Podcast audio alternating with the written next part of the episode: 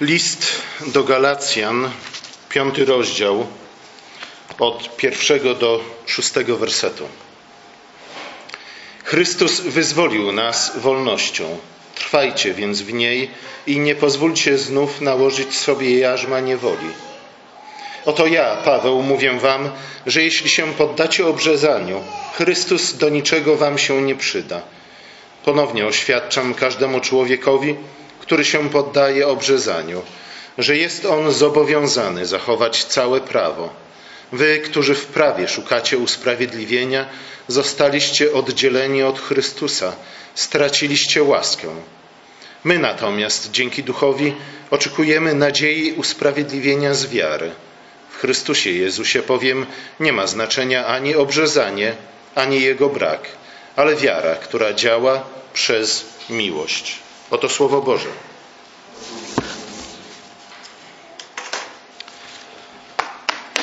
Głównym problemem w kościele w Galacji byli, byli pewni nauczyciele. Nie wiem, jak to się stało, że tacy ludzie stali się nauczycielami. Nie wiem, czy byli oficjalnie nauczycielami, czy, by, czy byli jakimiś nauczycielami, którzy nauczali ludzi na jakichś tajnych kompletach.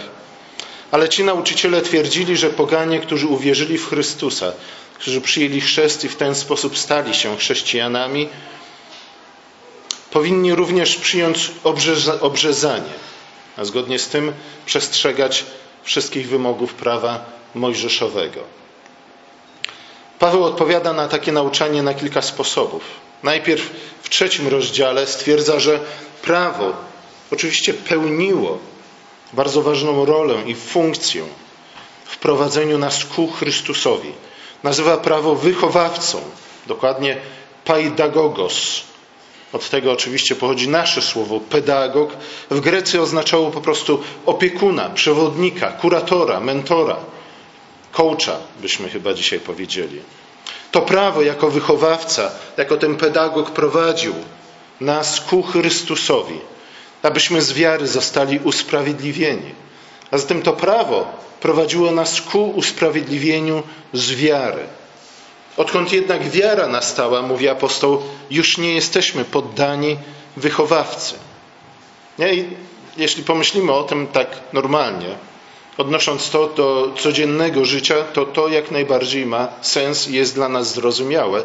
Często jednak nie rozumiemy tego ze względu na to, że kwestiach wiary, religii, teologii kierujemy się zazwyczaj bardzo pokrętną logiką, która z codziennym, normalnym, chłopskim rozumem niestety nie ma wiele wspólnego. Ale zobaczcie, dopóki prawo było naszym wychowawcą, a takich wychowawców mamy wielu, czy też mieliśmy wielu w naszym życiu, czy to rodziców, czy nauczycieli, czy jakieś guwernantki, czy kogoś innego, czy na przykład naszych ulubionych autorów książek, dopóki prawo było naszym wychowawcą, dopóty, mówi apostoł, byliśmy w pewnym sensie podobni bardziej do niewolników niż do wolnych, dorosłych dzieci. W Chrystusie staliśmy się dorosłymi synami. Nie znaczy to, że mamy zapomnieć teraz o tym wszystkim, czego nauczył nas ten wychowawca, jakim było prawo. E, oznacza to, że mamy pamiętać. A jednak coś istotnego zmieniło się w naszym życiu, kiedy weszliśmy w wiek dorosły. Oczywiście możemy wejść w wiek dorosły tylko i wyłącznie na podstawie naszej metryki, ale nie o to chodzi tutaj apostołowi. Chodzimy w wiek dorosły nie tylko na podstawie metryki, ale przede wszystkim na podstawie tego, czego właśnie się nauczyliśmy. A to, czego się uczyliśmy, jeszcze, jeśli uczęszczaliśmy do dobrej szkoły, a nie do jakiejkolwiek szkoły, oczywiście ma, miało za cel przygotowanie nas do dorosłego życia. Nie, nie musimy już wstawać rano, żeby iść na ósmą do szkoły. Nie musimy już odrabiać lekcji. Nie musimy robić wielu różnych rzeczy, które musieliśmy robić, kiedy byliśmy pod wychowawcą, ale z drugiej strony, jeśli ten wychowawca był mądrym wychowawcą, to oczywiście wszystko, czego nas uczył? Rygor, jakim zostaliśmy poddani poprzez tego wychowawcę, miał służyć temu, abyśmy stali się ludźmi dorosłymi, a zatem odpowiedzialnymi za własne życie, a także za cudze życie. Abyśmy mogli wejść w, w samodzielność cechującą człowieka dojrzałego i dorosłego, który oczywiście te wszystkie zasady, którym nasączył swoje serce, nasączył własne umysły, nadal w nim są obecne. Stały się częścią tak naprawdę jego osobowości. Także już nie musi przypominać sobie każdego przykazania dekalogu, ale reaguje na nowe sytuacje w sposób instynktowny. Nie? Prawo, jak to mówią fachowcy, zostało zinternalizowane w ten sposób, że stało się jego drugą naturą. W liście do Hebrajczyków czytamy więcej na temat relacji pomiędzy prawem a wiarą. W dziewiątym rozdziale, w dziewiątym wierszu znajdujemy szczególnie ważne słowa, żebyśmy mogli zrozumieć te dwie rzeczy. To nie tylko jest relacja między prawem a wiarą, ale to, o co chyba bardziej Pawłowi tutaj chodzi, a zwłaszcza relacja pomiędzy Starym Przymierzem a Nowym Przymierzem. I tam właśnie czytamy, że cały kult Starego Przymierza wraz z jego ceremoniami, wraz z jego ofiarami, był symbolem obecnego czasu, a więc czasów, które nastały po Chrystusie. Symbolem, czyli innymi słowy, archetypem, figurą, zapowiedzią tego, co nastało wraz z Chrystusem. Był drogowskazą, był obietnicą. Jednak system ten był właśnie jako symbol, właśnie jako figura, jako zapowiedź nie do końca skuteczne. Już sam system kultu Starego Przymierza, sam przez się i sam w sobie pokazuje, wskazuje na swoją nieskuteczność, na swoją nie do końca adekwatność. A wynika to choćby z tego, że ofiary musiały być powtarzane non-stop. Raz w roku była składana jedna wielka ofiara, tak na wszelki wypadek, na wszelki słuczaj, nie? A naprawdę nie na wszelki wypadek, ale ta wielka jedna ofiara, która była składana w dniu pojednania, miała przypominać ludowi, że te wszystkie ofiary są po prostu nieskuteczne. Tak, na jakiś czas, do jakiegoś czasu, ze względu na miłosierdzie Boże, Pan Bóg je przyjmował i akceptował. Ale już w sam ten system było wbudowana informacja, że ten system jest niewydajny, jest niewystarczający. Musi zostać zastąpiony jakimś lepszym, doskonałym. Właśnie list Hebrajczyków na tym się skupia i mówi tak, w Chrystusie ten system doskonały nasz nadszedł, przyszedł, został nam dany, obietnica została spełniona. Chrystus złożył raz na zawsze doskonałą ofiarę za nasze grzechy. I dlatego nie ma potrzeby powtarzać ofiar za grzesznych. Wracanie ponadto, wracanie do starego systemu jest niewłaściwe i bezsensowne. Właśnie z tego względu, że on był zapowiedzią, on był obietnicą, on wskazywał na coś lepszego i większego, co miało nastąpić. Jeśli wracamy do tego systemu, na przykład poprzez wymóg obrzezania, to jednocześnie sugerujemy, że albo nie zrozumieliśmy tego, co się zmieniło, nie tylko w naszym życiu, ale w ogóle w historii świata wraz z Chrystusem. Ale być może nawet odrzucamy nie do końca świadomie to, co Chrystus przyniósł, co Chrystus nam dał. Jeśli wracamy do cieni, kiedy nastała rzeczywistość, to to oznacza, że albo nie do końca wiemy, z czym mam do czynienia, a wtedy lepiej jednak być ostrożnym i nie wracać do cieni, odrzucając rzeczywistość, albo z drugiej strony uważamy te cienie za lepsze niż rzeczywistość, jaka nastała w Chrystusie. Skoro został ustanowiony nowy, lepszy system, to po co wracać do starego? Nie chciałbym tutaj y, wywoływać wilka z lasu, ale słuchajcie, owszem, od czasu do czasu możemy się pobawić. Nie? Możemy się pobawić w survival, możemy się pobawić w bushcraft, możemy się pobawić w różne stare sposoby prymitywnego życia. Nie? I rzeczywiście to może mieć swój cel. Nie? Na przykład, jeśli wybuchnie słońce i stracimy wszystkie przedmioty działające na prąd, nie? wtedy takie prymitywne zdolności na pewno się nam przydadzą. Albo na wypadek wojny, nie daj Boże. Nie?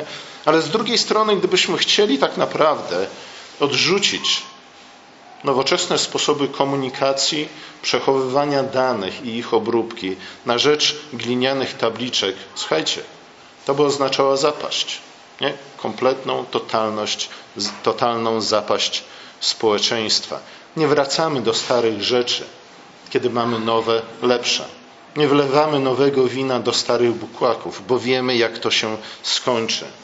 Ale takie wracanie, do którego namawiali Galacjan, ci tak zwani nauczyciele, i do którego niestety często dziś do tej pory niektórzy nauczyciele namawiają chrześcijan, jest po prostu złe.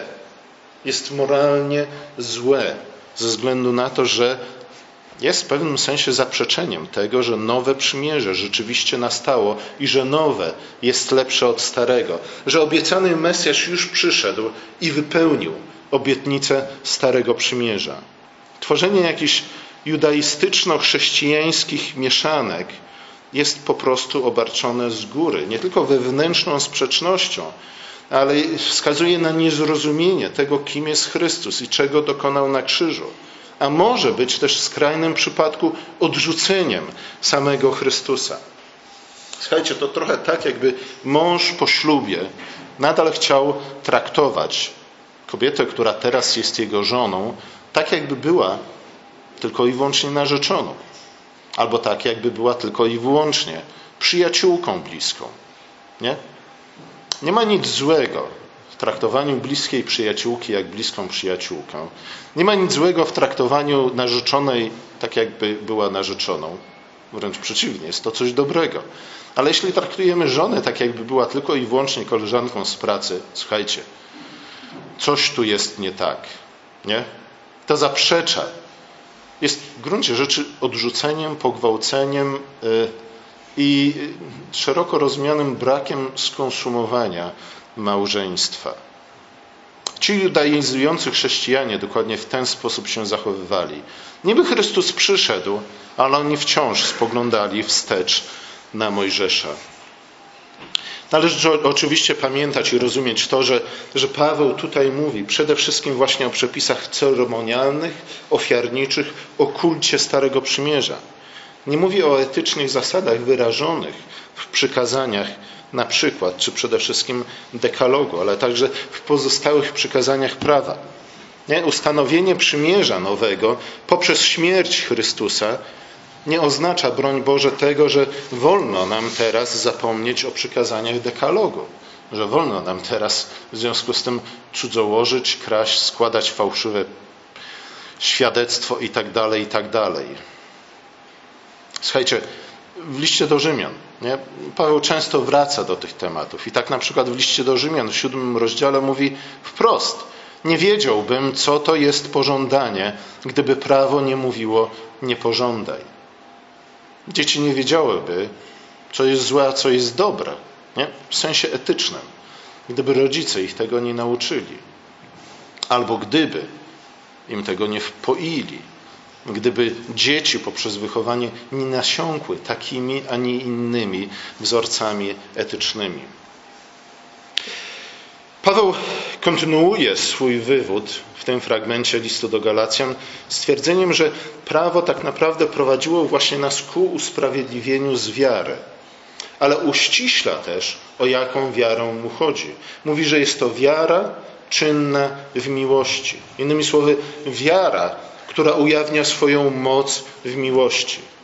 Często bierzemy słowa świętego Augustyna, który powiedział: Kochaj i czyń co chcesz tak jakby wiara, tak jakby miłość była przyzwoleniem na wszystko. Nie. Święty Augustyn nie miał niczego innego na myśli niż to, co pisze apostoł Paweł czy apostoł Jan. A zatem w nas, w których, no właśnie, nie?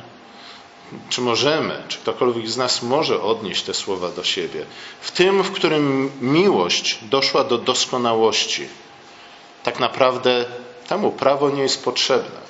Ale dlaczego? Nie dlatego, że je odrzuca, ale dlatego, że tak bardzo przesiąkł i nasiąkł tymi wszystkimi zasadami, które, których wyrazem jest prawo Boże, iż nie musi się nad niczym już więcej zastanawiać, dlatego że instynktownie zawsze czyni to, co dobre. Ale nie dzieje się to od tak, po prostu. Nie? Do miłości dochodzimy. Tak, wiara nas usprawiedliwia ale miłość jest czymś, ku czemu musimy wzrastać i dążyć. A zatem wiara, która nas usprawiedliwia, jest wiarą, do której nas prowadziło prawo i na którą od początku prawo wskazywało. Ale z drugiej strony ta wiara jest wiarą, która dąży do miłości. Wiara, która przynajmniej stara się, chce być czynna w miłości. A znów, czym jest miłość? Czym jest miłość? Jak wielokrotnie mówiliśmy o tym, miłość jest w pewnym sensie niczym innym, jak właśnie przestrzeganiem i wypełnianiem przykazań Bożych. Potem poznajemy, iż dzieci Boże miłujemy, jeżeli Boga miłujemy i przykazania Jego spełniamy. Na tym bowiem polega miłość ku Bogu, że się przestrzega przykazań Jego, a przykazania Jego nie są uciążliwe. Tak pisze Jan w pierwszym liście. W liście do Rzymian z kolei Paweł pisze: Nie cudzołóż, nie, zaraz, chwila. Nikomu nic nie bądźcie dłużni, jedynie wzajemną miłość, bo kto miłością darzy drugiego człowieka, ten wypełnia prawo. To bowiem nie cudzołóż, nie zabijaj, nie kradnij, nie pożądaj oraz każde inne przykazanie znajduje uwieńczenie w tym jednym: kochaj Twego bliźniego jak siebie samego. Miłość nie wyrządza zła drugiemu człowiekowi. Miłość jest więc wypełnieniem prawa. Nie odrzuceniem prawa, ale wypełnieniem. Oczywiście musimy pamiętać o tym, co Jezus mówił do faryzeuszu. Nie, nie raz i nie dwa. Mówi, dobrze, że przestrzegacie tych wszystkich przepisów prawa. Może nie zawsze stosujecie to prawo w najlepszy sposób, ale słuchajcie, tak naprawdę tego, czego wam naprawdę potrzeba, to, na co nam wskazuje prawo i do czego zachęca nas prawo, to jest właśnie miłość. Przykazania wskazują nam na miłość, ale może być tak, że będziemy spełniać te przykazania, co niekoniecznie jest złe, a jednak w naszym sercu może nie być miłości. Nie? Miłość wychodzi ponad, czy też poza literę prawa. Miłość wychodzi poza to, co zostało spisane. Ale nie w ten sposób, że odrzuca to, co zostało spisane, czy też przykazane, ale wychodzi ponad to, co zostało spisane, w ten sposób, że rozumie to prawo, wie w jaki sposób funkcjonuje, wie, że te 600 ileś przykazań, na przykład, które zostało spisane przez Mojżesza, to nie jest wszystko, czego Bóg od nas wymaga. Tak jakbyśmy mogli w którymś momencie odwajkować po kolei wszystkie przykazania i powiedzieć, teraz jestem doskonały. Nie. W tym momencie Pan Bóg powie do nas, jednego ci brakuje. Miłości. Idź, sprzedaj wszystko, co masz i rozdaj to ubogim. I wtedy, nie daj Boże, żebyśmy nie zostali zawstydzeni. A zatem, o ile przepisy dotyczące kultu są już niepotrzebne, skoro Chrystus złożył doskonałą ofiarę, o tyle zasady sprawiedliwości wyrażane przez prawo mojżeszowe nadal obowiązują. I dlatego ważne jest to, abyśmy mówili o zasadach sprawiedliwości wyrażone przez prawo. Nie? Mówimy tu nie tylko o karaniu przestępców.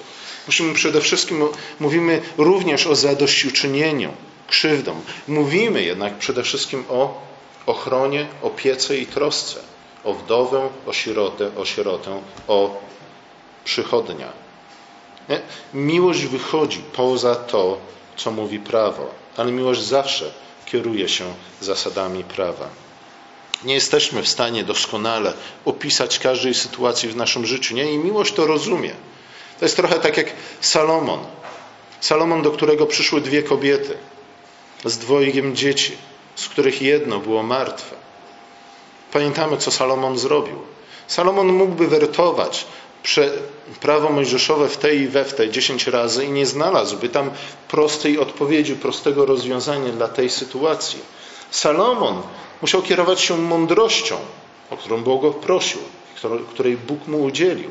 Ale ta mądrość znów wyrastała i wynikała z tych zasad sprawiedliwości, których Salomon nauczył się studiując prawo Boże.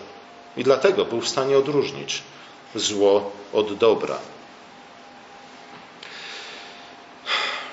Wiara, nadzieja i miłość to trzy chrześcijańskie cnoty. Nie?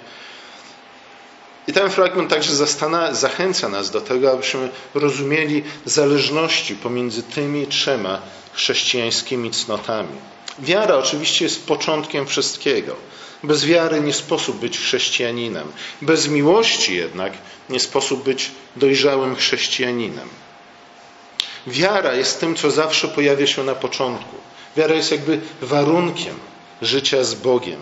Jest także fundamentem i źródłem wszelkiej nadziei i wszelkiej miłości. Bez wiary nie ma prawdziwej nadziei i miłości.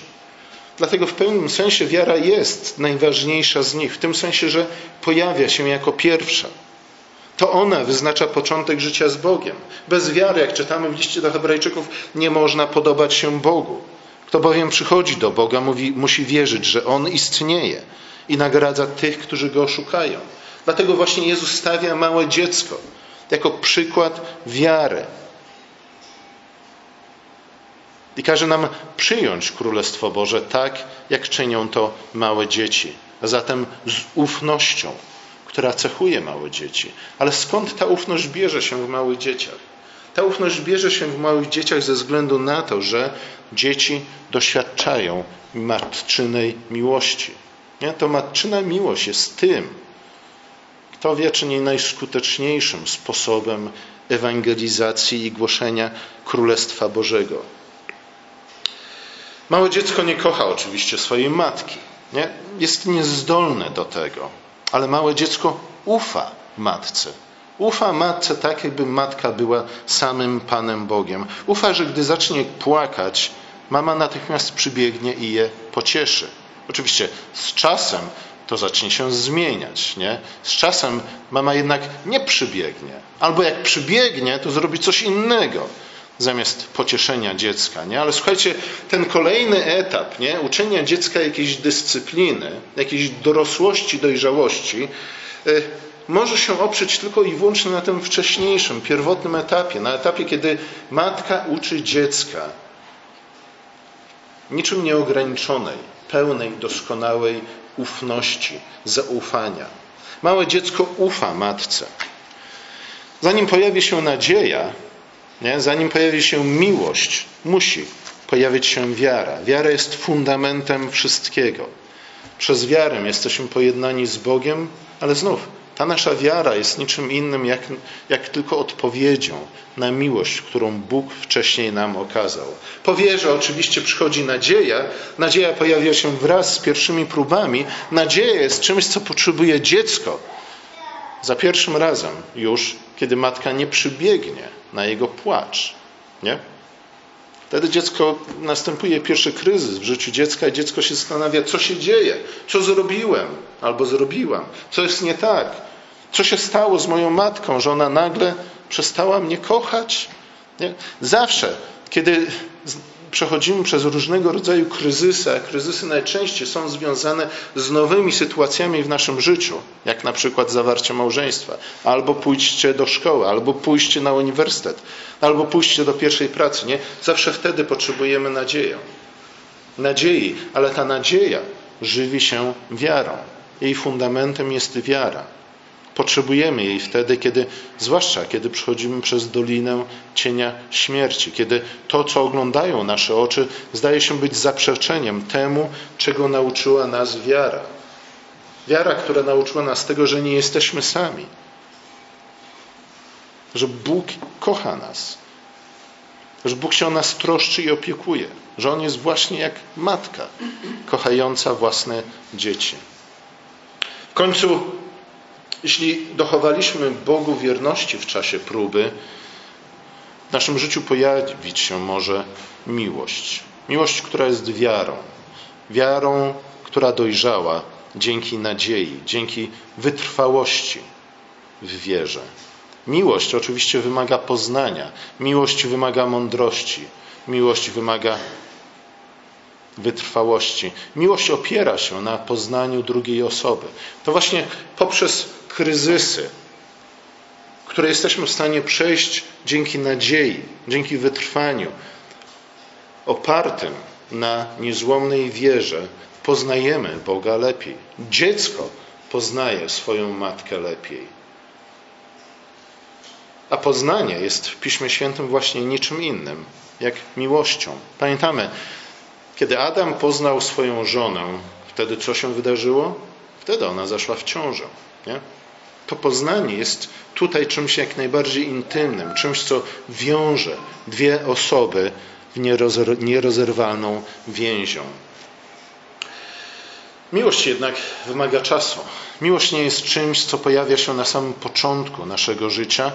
I miłość nie jest czymś, co pojawia się na samym początku naszego życia z Bogiem. Nie? Często mówimy, o, kocham Cię, Panie Boże, nie, bo przebaczyłeś moje grzechy. Nie. To jeszcze nie jest miłość. To jest wiara. Wiara wdzięczna. Wiara rozumna. Wiara, która wie, że może istnieć tylko dzięki miłości, ale właśnie cudzej miłości. Miłości kogoś większego, kogoś potężniejszego, kogoś o wiele bardziej mądrego i dojrzałego. Nie? W naszym życiu wiara, miłość jest czymś, co pojawia się na końcu. Nie? Na końcu czego? Na końcu pewnych etapów ważnych w naszym życiu, a może na końcu dopiero całego, samego naszego życia. Nie? W ten sposób Paweł bardzo często mówi o miłości. 13 rozdział pierwszego listu do Koryntian, nie? Wiara, nadzieja i miłość, ale z nich największa jest miłość. Największa, ponieważ pojawia się na końcu, ponieważ miłość jest właśnie przejawem dojrzałej wiary i dojrzałej nadziei. Ta miłość pojawia się na końcu, ponieważ ona jest doskonałością, ponieważ Bóg jest miłością. W ten sposób, poprzez wiarę i usprawiedliwienie, które przyjmujemy przez wiarę z łaski, jesteśmy odnowieni na obraz Boży. Ale właśnie dzięki nadziei, dzięki wytrwałej wierze, cierpliwej wierze, wzrastamy na podobieństwo Boga. Doświadczamy tego, co teologowie nazywają uświęceniem. Nie? Dlatego miłość nie może być podstawą usprawiedliwienia. Podstawą usprawiedliwienia może być tylko i wyłącznie nasza wiara. Jeśli możemy mówić o miłości jako podstawie naszego usprawiedliwienia przed Bogiem, to nie jest to nasza miłość, ale jest to miłość Boga, objawiona w Chrystusie, który umarł za nas na krzyżu. Wiara zatem prowadzi nas ku miłości i powinna prowadzić nas ku miłości. Nie, nie powinniśmy być zniechęceni ani zdziwieni tym, że w naszym życiu brakuje miłości. Miłości, którą my okazywalibyśmy innym ludziom, naszym bliźnim. Właśnie ze względu na to, że aby miłość pojawiła się w naszym życiu, aby miłość dojrzała w naszym życiu, potrzeba jest czasu, ale potrzeba też jest wiary, wytrwałej, cierpliwej wiary. Miłość jest zwieńczeniem wiary. Miłość jest wiarą w postaci dojrzałej. Wiara zatem musi dążyć do miłości.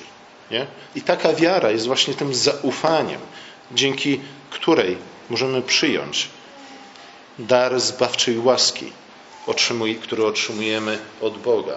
Wiara z kolei, która nie dąży do miłości, wiara, która nie liczy się z bliźnim, nie liczy się tak naprawdę z Bogiem. Wiara, która nie dąży miłości, do miłości, jest wiarą bezowocną, jest wiarą jałową, daremną, a nawet demoniczną. Jak przypomina nam o tym Jakub w swoim liście. Tak, wiara ma prowadzić do miłości, ale to właśnie wiara, a nie miłość nas usprawiedliwia. Ale z drugiej strony, wiara, która nas usprawiedliwia, jest wiarą, która ma prędzej czy później przekształcić się, wyrosnąć, dojrzeć na doskonałą miłość. Ku temu prowadzi nas Bóg od samego początku, od stworzenia człowieka, poprzez nadanie prawo przez Mojżesza. To były wszystkie te etapy, które Bóg nas jako ludzkość, jako swój lud prowadził ku doskonałości. Ta doskonałość nastała z Chrystusem i w Chrystusie i poprzez Chrystusa. I to my poprzez wiarę i poprzez chrzest jesteśmy włączeni w Chrystusa, który jest głową ciała, którym jest Kościół. Ale jesteśmy włączeni właśnie po to, abyśmy już nie tyle okazywali wiarę, ale doskonalili się w miłości. Amen.